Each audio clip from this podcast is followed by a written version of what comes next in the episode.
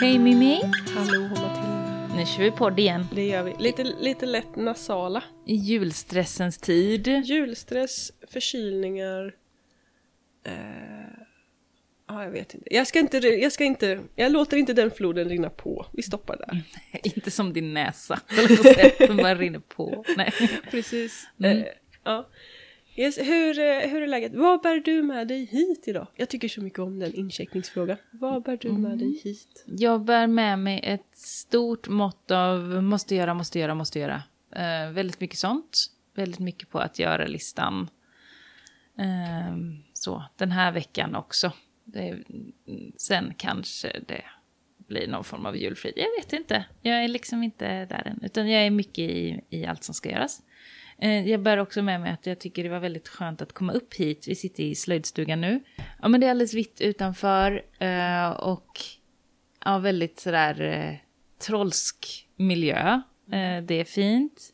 Vi har den öppna spisen, jag tände upp i den, tände lite levande ljus, jag har suttit och fikat lite. Så det tycker jag att i den här eh, stressen som lever inom mig så var det väldigt skönt att få skapa lite lugn.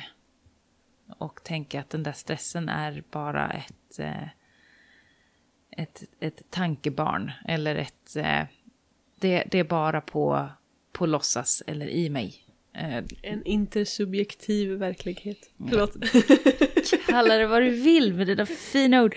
Men den är inte så här, jag är inte hotad, jag är inte liksom... Eh, Du svälter inte. nej, precis. Det, det är jag själv som har valt att säga ja till för mycket och eh, eh, mycket roliga saker. Men, men det är inte värre än så. Precis. Sådär. Då kommer jag cyklande hit och bara så här tvingar dig att vara här i nuet och prata. Och starta veckan lite långsamt. Ja tack. Ja, tack. Hur, vad lever i dig? Vad tar du med dig hit? Eh, förutom en förkylning.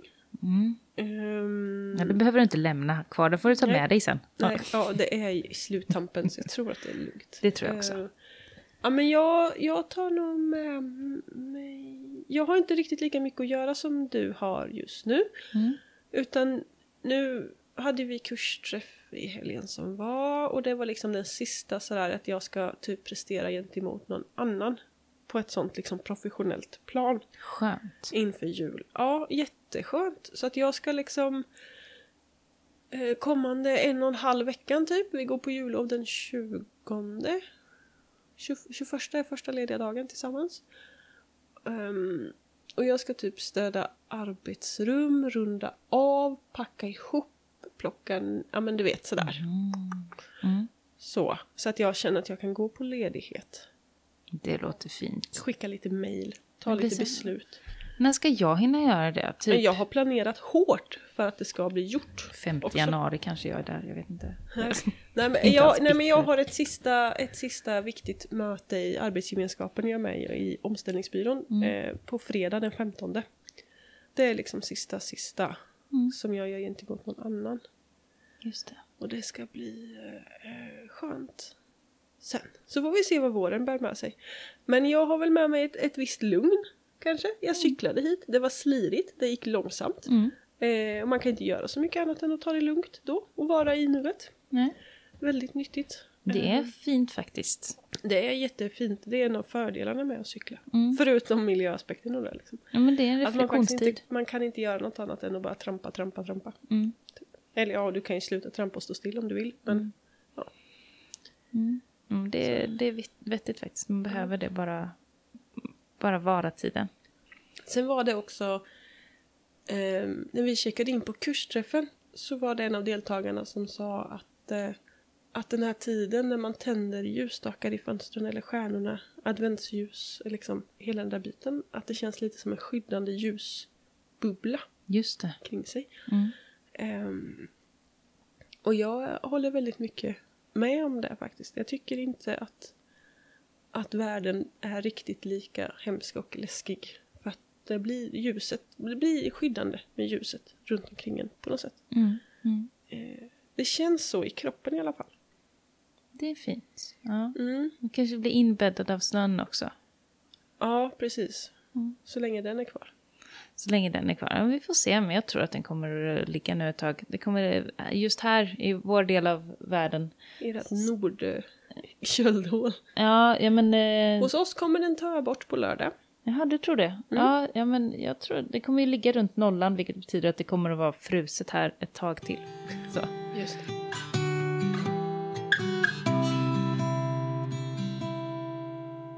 Ja, var, vart börjar vi idag? Vi börjar med en kommentar idag. Ja, jag tänkte jag ska jag rotar fram vårt lilla eh, Instagram-flöde här så att jag kan läsa innantill.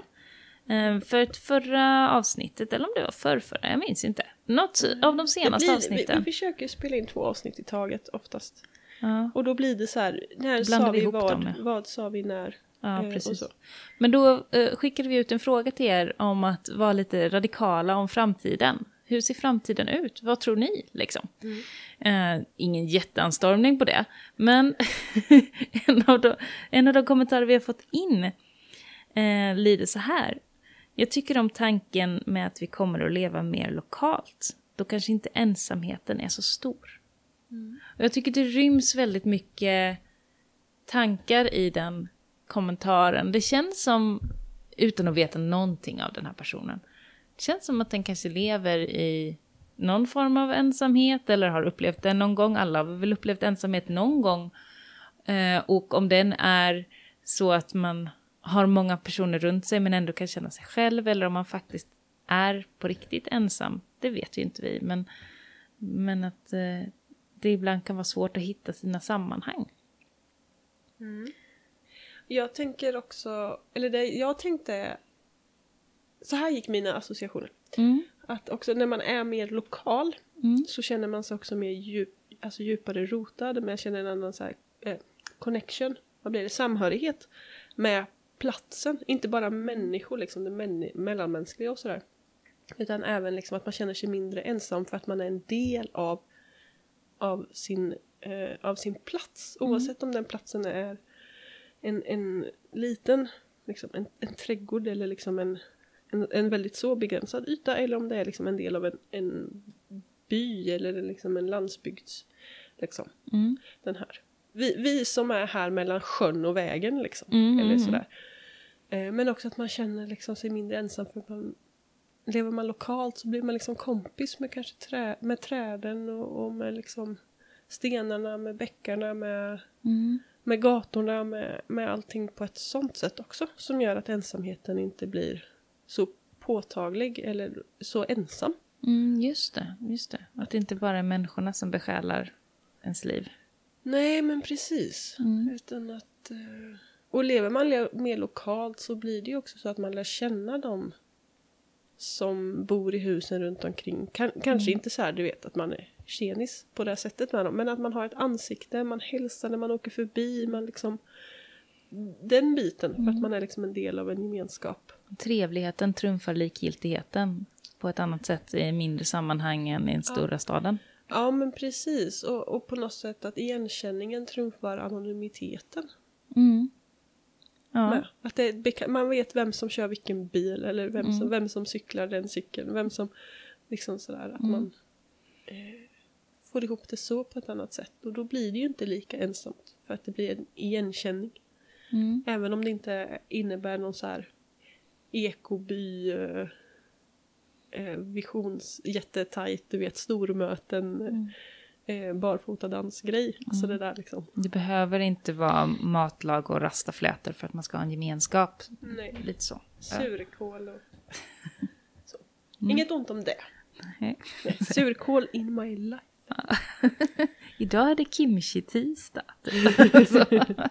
Nej. Ja, men det är jättefint. Vi har en, gemensam vän som har ett arbetslag där de förädlar till exempel tillsammans och så här Mm. träffas och gör till exempel 20 kilo kimchi och sen träffas de igen ett par veckor senare och delar upp den där kimchin i små burkar och tar med sig hem och så. Superfint. Det är fint ju. Ja. Ja. Åh, du, nu får jag en... eh, Kimchi är ju jävligt gott också. Det är det. Apropå gemenskap, jag ehm, är ju med i ett, i ett eh, eller inte en förening ens, en lös sammanslutning av folk eh, som, eh, som kallas för Hantverkshuset, eh, där vi säljer olika produkter då, tillsammans och delar på en lokal. men då är vi alltid två som är där och jobbar. Och då blir det att man måste sitta i den där lokalen med en annan människa som man inte kanske hade träffat annars och så. Och det är ju inte, alltså det kommer folk och handlar, men det är ibland länge som man behöver sitta där mellan kunder och bara prata liksom. Så att då var det en, en äldre man och jag som var där och eh, eh, passade butiken tillsammans. Och han pratade om att han har varit med i ett matlag nu med äldre män. Ett av de äldsta matlagen vi har i Tranås. Då. Alltså, Tranås har väldigt mycket gamla levande Ja, ja. föreningar. Typ Det våran. Mm. syförening och matlag och liksom massa andra grejer.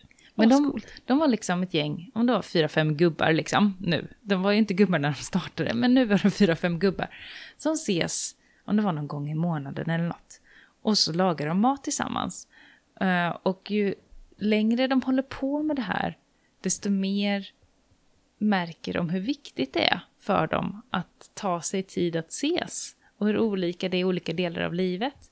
Men nu börjar alla bli liksom äldre och fruar försvinner och andra vänner försvinner för att ja, det är ju så det blir med tiden, att alla lever inte för evigt. Men de har det här matlaget liksom. Mm. Eh, och det där med att hitta en, en gemenskap män emellan, särskilt äldre Just män det. emellan. Det är inte Som helt inte lätt. handlar om att spela på travet. Ja, eller sitta i varsitt jakttorn liksom och vänta efter någon älg. Utan att det, de, eh, de träffas och de måste ändå göra något ihop ju. Så, man kan inte bara ses så, utan nu ska de laga mat så. Och det ska gärna vara Men lite så- flott så och så. det Men det får man väl ha, man får nörda Ja. sig på något. Så. Ja, och jag tänker att det är sällan, alltså mina svärföräldrar och sådär, som också är äldre, Mm. eh, de träffar inte sina kompisar bara för att ses. Alltså de Nej. bjuder ju varandra på middag eller på restaurang. Mm. Eh, det gör man väl generellt kanske. Men det är också symöten, bridgeklubbar och Mm. sånt liksom. Man har, ses kring en aktivitet så. Ja. Så jag, jag tänker att eh, jag saknade lite ett matlag. Jag blev Men jag lite tycker den här det. grejen, där, där man, vi bor ju lite för långt ifrån varandra för att det blir Ja. lite för mycket projekt. Eh, men när folk som bor närmare, typ gångavstånd och sånt där, Mm. eh, till varandra, där man bara så här en gång i veckan så går det runt och så träffas vi liksom. Varje torsdag så äter vi gemensamt och så har vi rullande ansvar. Mm. Så då vet man att nästa torsdag kan jag bara skita i allt för jag ska bara gå och sätta mig vid ett dukat bord hos Just den det. där personen. Eh, och sen liksom hoppar man runt. Jag kan gå med Lite på, så. jag kan nog åka till dig någon gång då och då och käka och du kan få komma hit i en annan del av livet. Då inte jag behöver ha så mycket barnaktiviteter. så. Nej men det är, Det är ju, sånt nu det är också. ju det. Och det är ju Men, ändå eh, en bit. Alltså ska vi cykla så är det ju ändå 40 minuter mellan oss typ. Ja, men ändå. Ja, det är inte jättelångt men om man ska trycka in det mellan barnaktiviteter Ja, och det, då allting. går det inte. Nej. Eh, utan det är ju liksom, men bor man nära varann. Mm. Hade vi haft fem minuter, tio minuter kyckling så man bara kunde hoppat upp och bara rullat bort. Så hade det varit bara så här. Jag hörde 10 minuter kyckling. Jag tänkte, vilket kul race. Nu kör vi 10 Chicken. minuter kyckling. Chicken race! Ja, förlåt. Ja, Ja. Mm. ja men det är fint. ja, så organisera er som matlag nu. Det vore roligt. Eller bara leva mer lokalt. Börja leva mer lokalt. Jag, jag tror verkligen att det är svaret på väldigt många av våra samtidsproblem. Mm.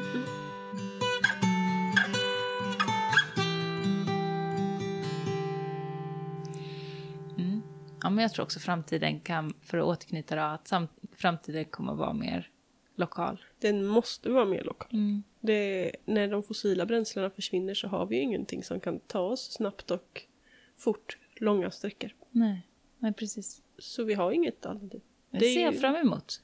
Skönt att ha framtidsvisioner att se fram emot. Ja, Framtiden är ljus ja, också.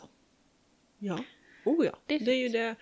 Ja, precis. Nu kom jag på att jag har tänkt väldigt mycket sen sista avsnittet vi spelade in. Mm. Eh, när jag pratar om hur omöjligt det är att, vi kommer, att det är helt kört. Att vi inte kommer kunna ställa om för att vi måste förändra en sån Är kultur. det bara senaste avsnittet du pratar om det? Nej, kanske? jag pratar Ja. Nej, okej. Kanske Det är ett återkommande tema. Det är, Det en är ett röd åt- tråd i ditt liv. Ja, ja men det är det. Eh, men att det blir så här, åh nej, du måste ta hand om dig själv, du måste tänka positivt. eh, Lite den. Mm. Ehm, Ska du slå ner på den nu också så är det julefriden? ja, Japp, okej. ja. Mm. Eh, ja, men dels för att det är så här, eh, jag har ju inte tappat hoppet bara för att jag är realistisk. Mm. Det är två vitt skilda saker. Eh, och eftersom jag ändå försöker ställa om mitt eget liv och inspirera andra människor till att ställa om. Alltså jag lever ju hopp Mm. i mitt everyday life. Mm. Så, annars så skulle jag inte gå upp på sängen. Om jag inte hade hoppet. Just det. Eh, så det är helt liksom skilda saker. Autopiloten finns också. Ja, ja, men det finns den. Fast Ja. den, då, då vaknar man liksom inte klockan fem och känner att ah, vad ska vi ta tag i idag? Gör du det? Ja, Nej men på riktigt. Ja. Det har inte jag gjort på... Jag vet inte. nej, kanske aldrig. Nej, ja, jo. Aldrig i en lång period. Nej. Nej men okej, det Mm. kanske inte är så att jag sprudlar upp ur sängen varje morgon. Men jag tycker det är väldigt skönt att vakna tidigt och få gå ner och tända brasan och sätta mig och läsa och fundera på vad, vad, hur, hur man ska förbättra världen den här dagen. Typ. Mm. Eh, på ett, i, alltså. Åh vad det där lät illa höll jag på att säga men.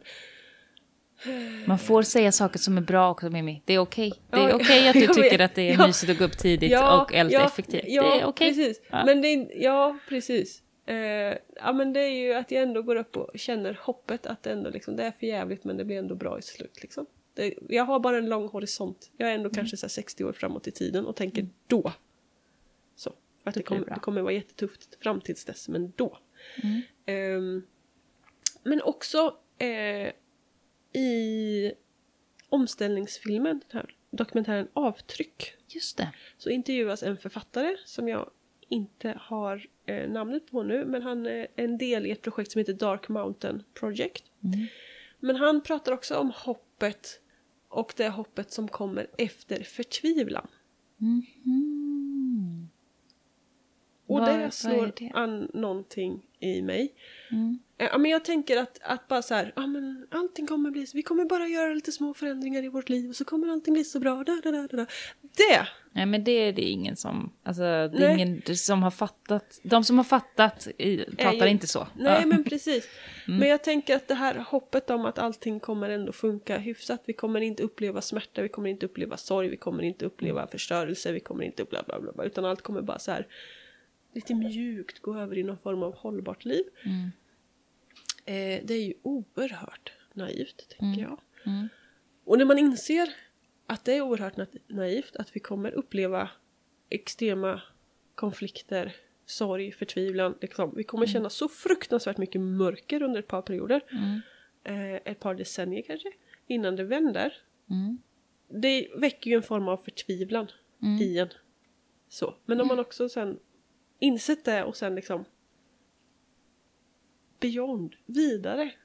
Och ändå In- tänker In i acceptansen. Och, Ja men Mm. acceptans och att det ändå blir bra och att då är det ju någon form av hopp. Fast hoppet Mm. kanske inte är så som vi har lärt oss att hoppet är. På något sätt. Ja det blir kanske jätteflummigt det här. Mm. Nej, men jag tänker också att alltså, mycket kanske är acceptansen att bara, nej men det är så. Mm. Alltså det behöver inte vara mer, det kanske inte är så mycket känslor i det.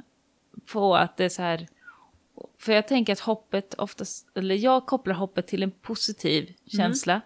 Och, eh, och då kanske det ändå blir så där att acceptansen är mer neutral. Att man bara säger, ja men det är så, Mm.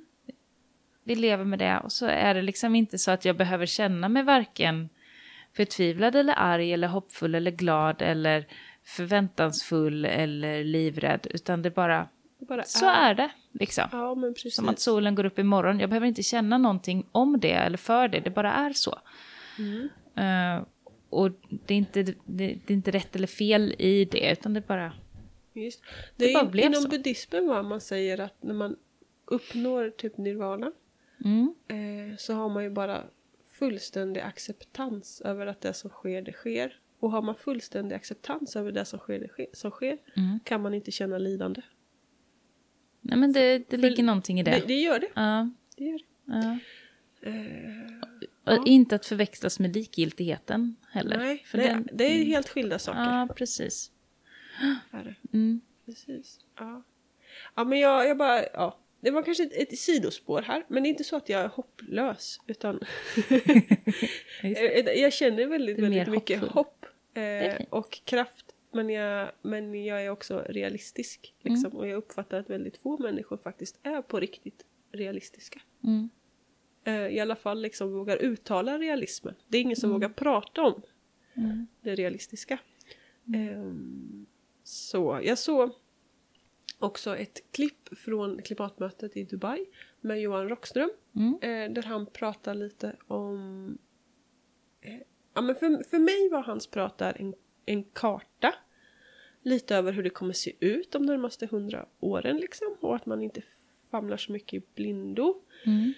För han, han pratar om, så som jag tolkar det, att om vi slutar med att det fossila beroendet nu, så fort som möjligt, inom ett, två, max tre år, Mm.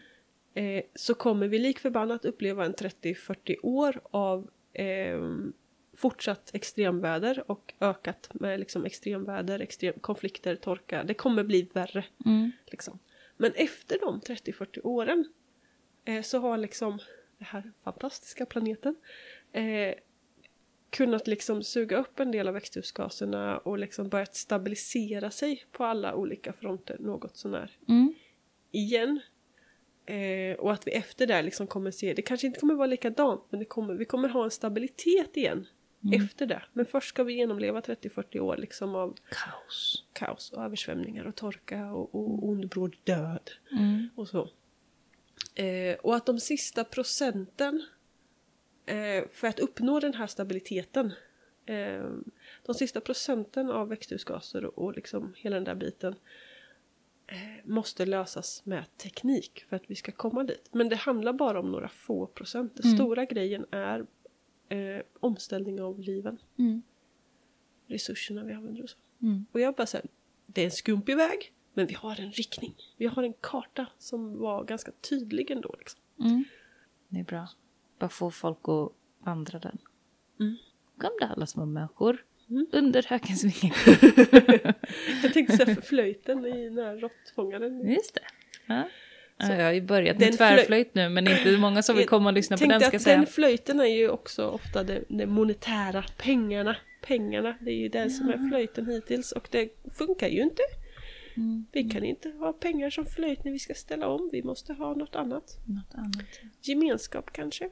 Känsla av att det man gör är meningsfullt. Mm. Sånt där som vi lider brist på idag. Mm. Ja. Ja, absolut.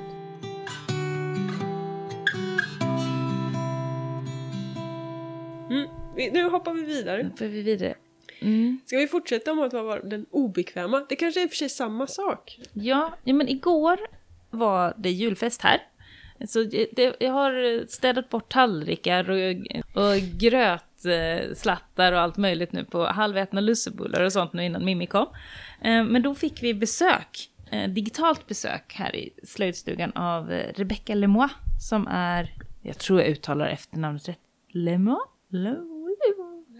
Du frågar inte mig. Lemon? Nej, Lemon.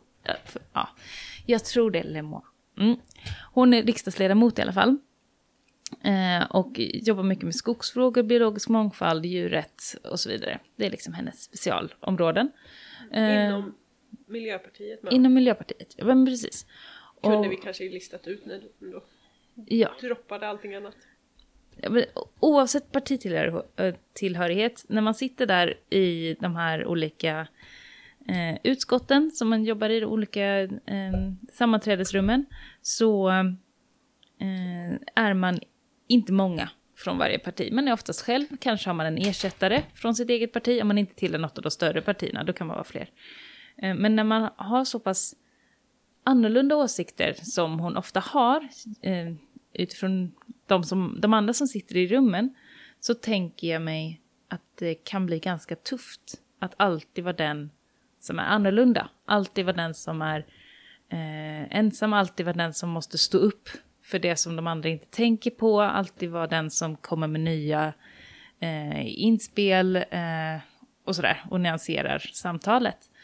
Så då passade jag på att fråga henne, men hur orkar du det? Hur orkar du vara den som, som säger nej, som säger emot, som gör något annat, som eh, inte är till lags i sammanträdesrummet eller i samtalet i, eh, där, i, i, i din vardag? Och då så sa hon att det ibland kan vara svårt, men att hon ser en väldig styrka i och får en väldigt styrka i att vara den som står upp för det som de andra inte står upp för. Att vara den som är annorlunda, att vara den som lyfter andra perspektiv. För hade hon suttit i ett, i ett rum där alla tyckte som hon, så hade inte hon behövt vara där. Så att det är kanske än viktigare att söka sammanhang där man inte har sina likar. Att diskutera med folk som inte tycker samma sak som en själv. Att de samtalen blir på något sätt viktigare än de där vi alla sitter och tycker samma sak i olika Facebook-bubblor och trådar och ja, man bara är med sin egen klick. Att söka sig utanför den, även att det är obekvämt. Och det, det tyckte jag var väldigt fint, att man inte ser det här, eh, de här mothuggen som en förlust eller som ett hot eller som något negativt, utan man ser det som att det är just där som förändringen sker. Det är just där man har potential att göra skillnad. Mm. Så det vill jag ta med hit idag. Jag ska försöka tänka på det, att, att det, är, det är coolt att vara obekväm på något sätt. Mm. Det är i konflikterna lärandet sker. Och du bara suckar när jag säger det. Men, Nej, jag, men det- jag, jag, jag- tänker upprepa det tills det liksom smälter in i dig. För att jag märker ju att du bara så här, nej. Du stöter Nej, men, bort det ganska omgående. Nej men det är nog för att det är så pass eh, eh, polari- polariserat. Att det är så pass att så här, jag tror inte att, att alla konflikter är lärande eller att det bara är liksom att konflikt alltid är av godo liksom. Som jag, det är det jag läser in i det. Mm, sådär. Eh, och då blir jag så här, nej, det där är för, för svartvitt. Och jag... Mm. Eh, det- vissa saker är jag också väldigt svartvitt i. Mm. Men, men just sådana som, nej, jag har för, det är för många konflikter som jag känner bara är av ondo också. Så det, det är inte så att jag vill att ni ska gå ut och söka konflikt, det är inte det jag Nej. säger. Men, men, eh, ja, Men det är ju när, när det skaver eller när, när det liksom inte bara flyter med som saker händer oavsett. mm, Så, annars så... Eh, annars så står vi ju still, mm, tänker jag. Oavsett om det är ny kunskap eller nya möten eller nya sätt att se på saker eller vad det än är. Det är ju när man bara så här... För jag, jag tänker också ordet konflikt. mm, Alltså, ofta så tänker man ju sådana liksom stor, alltså bråk, mm, hot. Alltså att det är riktigt uppstissat, det är våldsamt, det är aggressivt. Men en konflikt är också bara så här att eh, nej, jag tycker att den här ljusstaken ska stå mer åt höger. Så fort två olika intressen möts, oavsett liksom, i stort eller smått, så är det ju en konflikt som uppstår. just det. Så, vilket gör att det inte handlar om att man så här, eh, att man, alltså om man är i ett våldsamt bråk så är det kanske inte vad man ska tänka på att nu har jag möjlighet att lära mig någonting. Nej, men precis. Eh, riktigt eh, den grejen, utan det är så här mer att nu står vi på varsin sida och det, våra in, olika intressen, våra olika synpunkter, våra olika verkligheter krockar med varann. Mm, Här finns det en möjlighet för oss att ta del av varandras ryggsäckar och tankesätt och sånt där och då kan vi lära oss någonting. Det behöver inte betyda att vi ska komma överens, mm, men vi kan också lära oss liksom försöka förstå varandra. mm.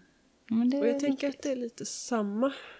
Att För det blir ju också när, när det skaver eller när man står i de där rummen ensam och, och liksom inte får svar på frågor eller inte får någonting med sig. Då är det ju också en konflikt liksom, i olika intressen. Ja, men jag tänker att man ofrivilligt också lär då. För att man, jaha, nu ställer hon den frågan. Är den frågan ens viktig? Liksom? Men uppenbarligen är den ju viktig för att den här personen ställer den. Mm. Alltså det är också ett litet lärande. Att det behöver inte alltid vara så här storartat att man lär i Ja, ah, nu har jag lärt mig något nytt. Utan att det liksom kommer lite mer smygande. Mm. Tror du att du kommer att jobba något med konflikter över jul? Jag har hört att det är högtid för sånt. Små konflikter, absolut. Mm. Det dyker alltid upp. Ja. Om djurstaksplaceringar och Nej, sånt. vi har bara stjärnor. Ja, ni har bara stjärnor. Vi har bara stjärnor. Ja, ja. ja. Eh, så. Mm. Och de hänger på samma ställe varje år. Ja. Oerhört enkelt och smidigt så. ja det. Mm. Men det kommer ju säkert bli lite konflikter eh, när man träffar släkt och sådär. Mm. Definitivt. Just I sådana här små saker som att det är väl inte så jävla viktigt, lugna ner dig lite nu. Mm. Faktiskt. Jag hade ju den där när jag skrev brevet till hela släkten om julklappar och sånt som vi Ja, tog upp i något det. gammalt poddavsnitt. Jag Just det. Fram. Och du skulle, du skulle ha en säck utanför Ja, det, var, dörren. det var min då- sambo som sa att han tänkte banne med stå med en, med en sopsäck utanför dörren och sen kom de med fler än en eller var det max två paket per barn. Jag tror det var ett paket per barn. Eh, och släkting liksom. Då får de vaska dig i säcken. Ja, liksom. så skulle de få vaska. Då skulle de helt enkelt få välja vilket av det som var Hur gick det med det? Alltså vi får inte så mycket paket. Vad skönt! Så, Eller det är det, det ni är- vill? Ja, det är Det- ett det är paket, ett paket per barn fortfarande som de flesta ger. Mm. Sen har ju vi liksom födelsedagar på juldagen. Så att det blir ju ändå en det. del saker i omlopp. För det blir både födelsedagspresenter och julklappar och så. Mm. Eh, men det är, funkar väldigt bra och dessutom så har vi flera släktingar som har börjat övergå till att ge upplevelser Ja, just det. istället Mm. för att bara ge grejer. Mm, Så att vi har en väldigt, eh, jag ska absolut inte säga spartansk jul, eh, men den är ändå väldigt enkel. Men det var en hel del konflikter kring det där under Mm. många års tid. Eh, och sånt där som att ah, man vågar inte köpa någonting längre, man vet ju inte vad man får köpa och inte Oj, köpa. Spela på dåligt samvete Ja, där. precis. Och jag bara där, ja fast att du måste kicka med konsumtion för att vara glad är inte mitt problem. Ja, just det. Mm. Lite den. Eh, mycket, mycket sådana diskussioner har vi haft Ja. liksom. Ja, jag har ju varit sådär... Eh, vi har inte haft någon... Vi har inte pratat om det här i vår släkt. Alltså, Nej. Så, men vi har heller inte... Eh, I i min, min lilla ursprungsfamilj så är det liksom eh, mina skilda föräldrar och sen så är det jag och min syster. Och sen så är det min systers man då och min man och, och våra två barn. Alltså det är, inte, det är inte större än så. Vi har inte massa barn som det ska strösslas grejer kring. Utan det är bara mina barn. Mm. Ehm, och, och det gör väl att det inte... Det blir liksom inte så stort än. Det blir inte det här regnet och, av grejer. Vi har inga, jag har inga mor och farföräldrar kvar heller som kommer och liksom slänga saker på oss. Så det blir inte så, så mycket. Men till min, fö, min födelsedag förra året, då sa jag, men jag vill inte ha någonting, jag vill inte bli firad, jag vill ingenting. Då blev jag inte det. Och sen dess har vi liksom inte haft några födelsedagar. Så vi har inte liksom haft den här, vi har inte behövt ha det här samtalet sedan i april. Och nu kommer då... Julen, Ja, dundrande. Precis, både min pappas födelsedag och min systers födelsedag är nu i december. Och sen så kommer ju då julafton då. Mm. Jag så här, hur ska jag göra? Jag vill inte ha något av dem. Kan jag då se till att jag inte ger dem något? Jag har inte gett dem något. Jag gav dem ingenting förra året. Men de gav massa saker till varandra. Och jag typ, det här blir lite konstigt. Mm. Men jag vill inte, jag, vet- Ni, jag ni vet behöver inte. ju ändå prata. Vi, har ju så här, vi är ju lite fler än vad ni är. Ja, vi Jag har är ju två. två syskon som vardera har eh, tre barn vardera. Mm, Eh, och vi har då en del eh, far och morföräldrar i livet. Inte, inte alla men ett par stycken och sådär. Mm. Eh, vi blir ju lätt eh, 20-tal. Mm. 20, 23 eller något när vi samlas liksom. Ja, Alla just som alla i ålder 1 till 84. Ja. Ehm, och sådär. Sen ger inte vi julklappar till alla. Absolut inte. Och fördelen med att vara så många är Mm. att folk har inte råd att ge julklappar till alla. Men just det, det är bra. Eller sådär liksom. Ja. Utan att de får bara något litet, litet symboliskt liksom. Mm. Sådär. Ja men ge ett par pennor och ett suddgummi, det blir jättebra. Mm. Och en hundralapp eller något. Liksom. Ehm, men också att vi liksom syskon emellan har också så här, vi köper inte något till varandra och varandras barn va? Nej det gör vi inte, det blir bara skönt att slippa. Ja, bra, då var det klart. Mm, just det. Att vi ändå har haft, utan att du vet så här, sitta ner och bara nu måste vi prata igenom det här. Mm. Så har man ändå så här, alltså vi tänkte nog att vi inte köper något. Du vet att man bara så här, nej, nej, men bra. Skönt liksom. För att det räcker. Eh, Det är ju liksom inte hållbart att hålla på och köpa till alla, alla syskonbarn och allting heller. Och, bara, och bara det här som förälder står där och får frågor från liksom nio håll typ. Och bara, vad vill barnen ha i julklapp? Ja. Ja men de behöver en pyjamas och så önskar de sig det här legot. Och sen ska man hitta på saker. Ja. Så. Och så ska man inte säga samma, för då kan det bli att de köper samma. Precis, och man ska, det är jätteroddande liksom. Mm. Så det är så jävla skönt att bara eh, portionera ut så här. Mm. Ni köper det, ni köper det, ni köper det. Vi köper kanske någonting. Ibland köper inte vi ens någonting för att de Nej. får det de behöver från annat håll. Mm. Eh, och sen är det färdigt liksom. Jag har gett lite provocerande julklappar, kom jag på. Eh, och det är ju kanske inte så snällt. Det kanske man borde... Det kanske jag borde skärpa mig med. Vad har du gett för något? Nu nej, blir man men- jättenyfiken. Nej, men min, min, pappa, min pappas favoritintressen, min pappas favoritintressen här i livet är ju jakt och fiske. Det är liksom det han lever för.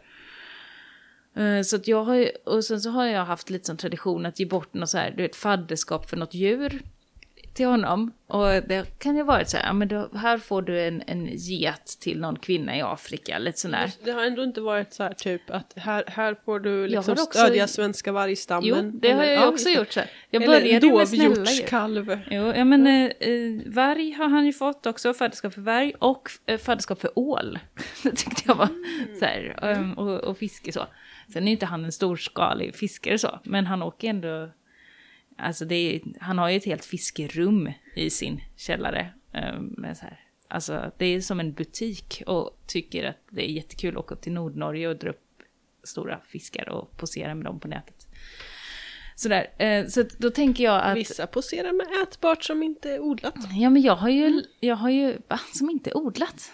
Ja men jag tänker din, alla de här Ja, fiskarna ja, och men- sånt, ja, precis, de poserar också med ätbart. Ja, men jag tänker att jag har ju lärt mig av honom hur man poserar med mat. Just Så det är därför, det är säkert därifrån det kommer. Mm. Ja. Eh, trofé... troféfoto liksom. liksom. Ja. mm. Skrytfoto. Det är viktigt. eh, Har jag lärt mig. Men det, så att, tänker att det kanske jag inte ska fortsätta med. För det är ju inte att sprida någon god stämning eh, i, i det hela. Varför ska jag hålla på och provocera vid jul? Det är inte... Ja, Jag behöver inte göra, jag behöver jag, faktiskt jag inte tänkte göra att det. du Jag inte behöver skulle inte... fortsätta att sprida poserfoton. Jo, liksom. det vill jag göra. Men, eh, men jag behöver kanske inte ge bort eh, att rädda, alltså ett fadderskap för varg till, min, eh, till mina eh, jaktälskade släktingar. Även jag kanske är en del av problemet. Jag kanske också borde tänka lite att eh, det är faktiskt mottagaren som ska bli glad för en gåva också, inte bara jag som ska känna mig lite retsam. Jag, tänk, nej, jag, jag, jag tänker att det inte är en liksom. jättebra utgångspunkt att ge bort saker för att jävlas. Nej, det är Det, dumt. det är inte relationsskapande. Mm, ja men precis, precis. Så att den, eh, ja, mm, ingen varg i år. Han får ingen varg. Ingen varg under kudden. Kan du inte bara tälja någon liten redskaps... Eller Alltså, jag- sticka ett fiskedragsfack? Han har ju fått en handsmidd kniv av mig en gång med så här, det Jag hela att- skaftet är med, med fiskfjällsmönster liksom. Jag tänker är, att det väger upp alla julklappar jag tror aldrig han har använt det. Alltså Nej. jag tror aldrig, alltså det är så här, kanske är för fin. jag vet inte.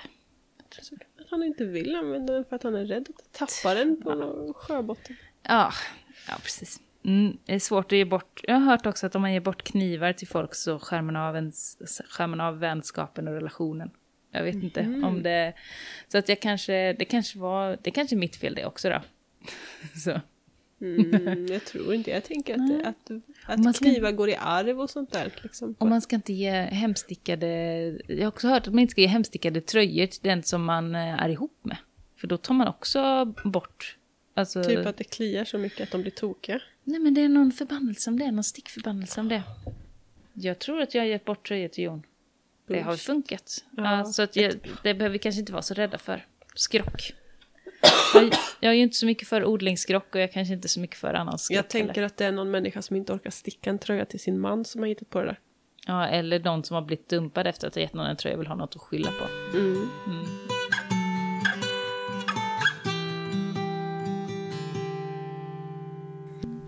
ja men jul i övrigt. Mm. Jag har ingen aning om jul. Alltså det är ju inte alls långt bort, men jag, vi har inte planerat något. Jag vet inte. Kommer nog vara hemma, för att vi har inte planerat att åka någon annanstans.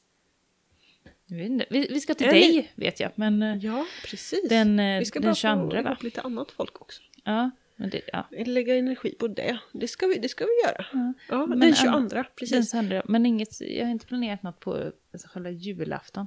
Vet Ja, inte. Ni får komma till oss och eh, äta nybakta lussebullar och lite sånt där och fira vintersolståndet den 22. Det blir kul tycker jag. Bygga någon fågelholk Vi tar kanske. med lite eldleksaker. Gör det. blir det. Det blir asmysigt. Och sen, sen ska vi klä granen, för det gör vi den 22. Mm. Så symbolisk grej. När det är som mörkast så liksom fyller vi ett träd fullt med saker vi tycker om. Vi har en julgran som inte är täckt med, med glitter och röda kulor. Mhm. Utan vi- har mycket hemgjorda julkulor och sånt där. Mm.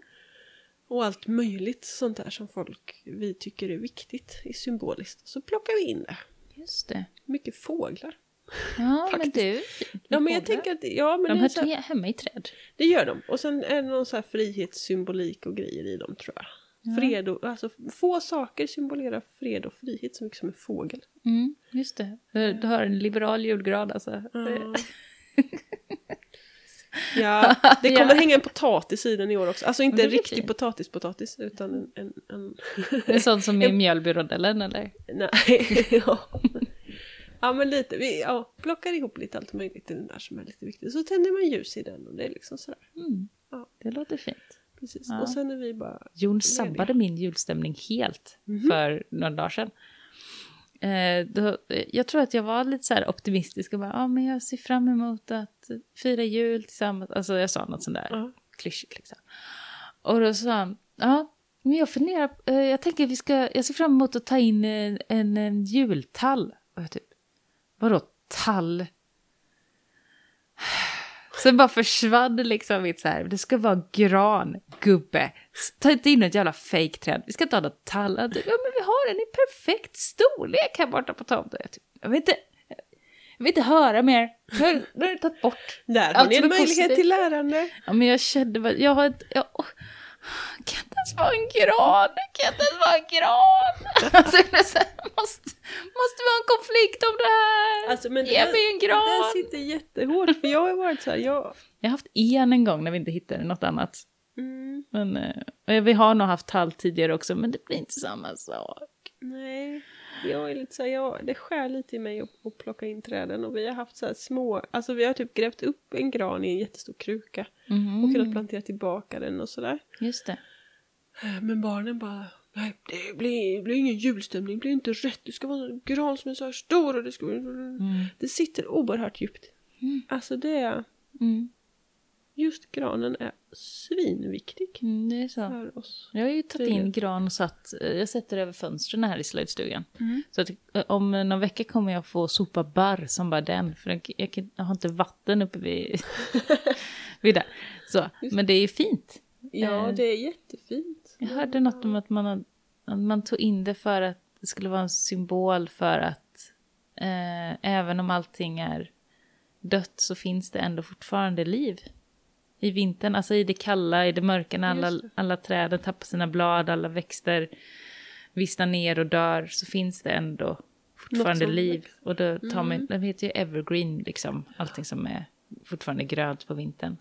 Och att det är därför det är så mycket sånt, alltså järnek och lingon med, bla, med bladen och Jag granen. tänker att det är för det enda som faktiskt är att det är fint. Det är inte lika fint med bara en en gren. död kvist En liksom. död- Nej. Nej. Fast ofta har de ju knoppar på sig. Så en, men Ja, men det Ja. får vi ta in, det, riset tar vi in till påsk liksom. ja, men Bara precis. för att se att det spirar. Alltså det är ändå det här med att ta in livet. Ja, men jag tror att graden också har någon någon folktro. Ja, för från början hängde man dem ju upp och ner va? Ja. I taken. Det för- någon tysk tradition tror jag. Ja, för att hålla någonting borta.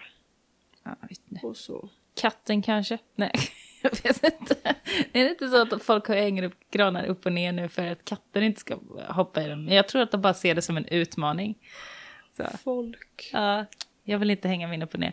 Jag vill ha en riktig gran som ska stå åt rätt håll och som ska släppa massa barr och så ska jag Nej. kunna hänga upp mitt hemvävda glitter och så fina, fina pynt och så ska den bara vara där. Mm. Det blir fint. Och så äter man och så läser man. Och... Mina barn vill inte se på Kalla Anka. Va? Jag tycker det är bara så här, nej, Mm, jag tror gött. aldrig mina barn har sett Kalle Anka i och för sig på julafton. Alltså, vi, har, vi har inte, vi har ju aldrig firat jul egentligen med några vuxna. Nej, För Jon har alltid jobbat. just det. Så, så det, eller ja, nå, någon gång kanske, men inte sådär. Vi har inga fasta traditioner Nej. alls. Nej men det, vi, vi, vi har ju från när vi var små, att Mm. vi så träffades eh, stora delar av släkten och åt tillsammans. Eller ha- nej, vi är en ännu större släkt då Mm. liksom.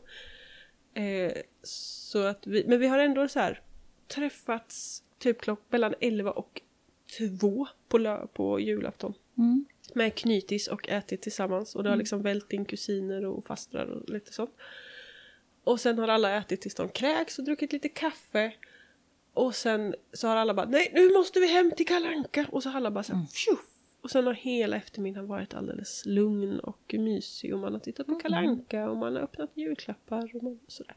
Just det. Och den plockar ju vi med oss. Fast vi firar ju med, med min ena bror Mm. istället. Och så, så här, ja men vi åker pulka, vi äter julmat tillsammans och sen så firar vi liksom på varsitt håll på kvällen. Mm. Så, Det är fint. Det tycker jag är ganska... Ja... Jag är inte så mycket egentligen. Jag ja, jag vet inte. Jag är så dubbel till jul. Mm. Eh, det är väl därför jag hellre firar den 22.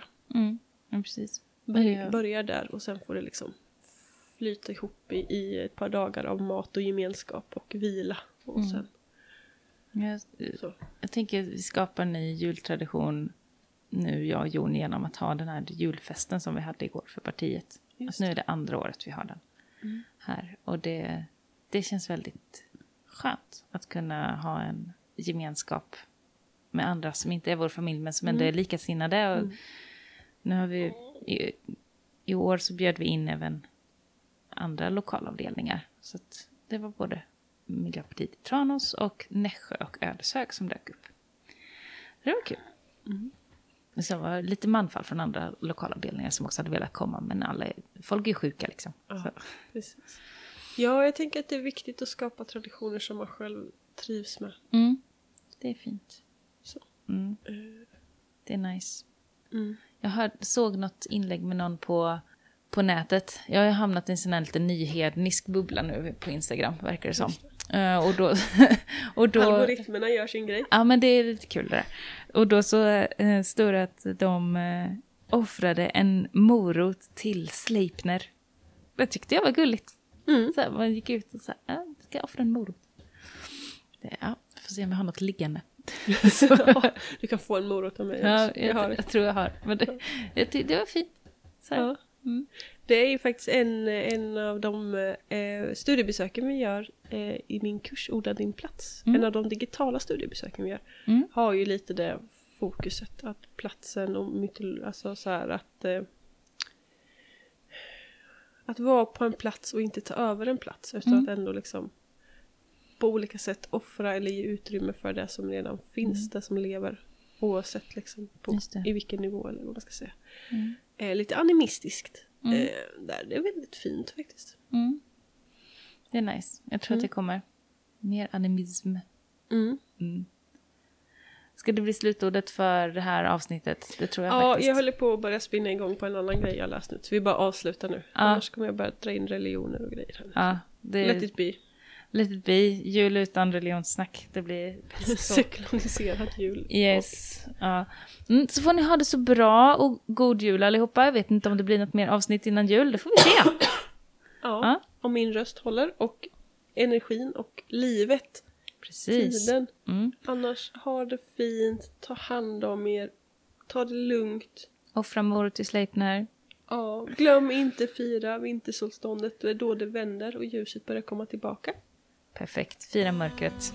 Mm. Fira mörkret, välkomna ljuset. Mm. Hej då! Hej då!